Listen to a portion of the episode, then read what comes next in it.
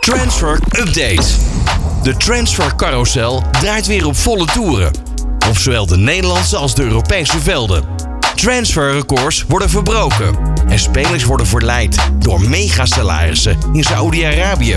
Maar ook grote verrassingen liggen op de loer. Blijf met All Sports Radio op de hoogte.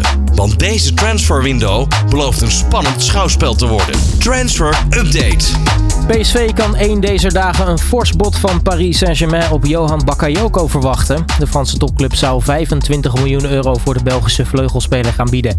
Mocht Bakayoko de overstap naar PSG maken, dan heeft PSV Irving Lozano op het oog als zijn vervanger.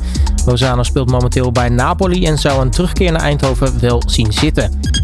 Georgios Tatse zet naar verluid vol in op een transfer naar Ajax. De aanvaller van FC Metz staat bij verschillende clubs op het verlanglijstje, maar de 22-jarige Georgiër zou in zijn directe omgeving hebben laten weten dat zijn voorkeur uitgaat voor een overstap naar Ajax.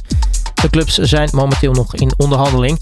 Vorige week werd ook bekend dat Ajax interesse zou hebben in Atlanta United-speler Thiago Almada. Hij is volgens de Raad van Commissarissen van Ajax te duur.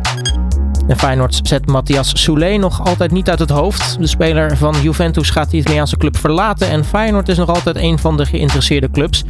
Feyenoord hoopt deze dagen enkele spelers te verhuren, zodat er ruimte wordt gecreëerd in het salarisbudget. Mocht dat lukken, wil de club zich gaan richten op een eventuele komst van Soulé. Vitesse gaat zich versterken met spits Joel Voekering Persson. De 20-jarige Zweed ontbrak dit weekend in de wedstrijdselectie van Lecce, omdat hij in Arnhem is vanwege zijn medische keuring. Voekering Persson, die in Italië tot medio 2027 vast ligt, moet op huurbasis overkomen van de Serie A-club. Daarnaast hoopt Vitesse in de laatste dagen van de transferperiode FC Utrecht af te troeven in de strijd om Feyenoord-verdediger Ramon Hendricks. Ja, spelersrel op huurbasis. Eh, het zou zomaar kunnen ontstaan tussen Bayern München en Manchester United. Volgens het Duitse medium Bild wil Bayern dolgraag Scott McTominay aan de selectie toevoegen. Ryan Gravenberg zou in dat geval de omgekeerde weg kunnen bewandelen. Maar Bayern zou trainer Thomas Tuchel klagen over het gebrek aan controleurs in de selectie. McTominay zou dat probleem op moeten lossen.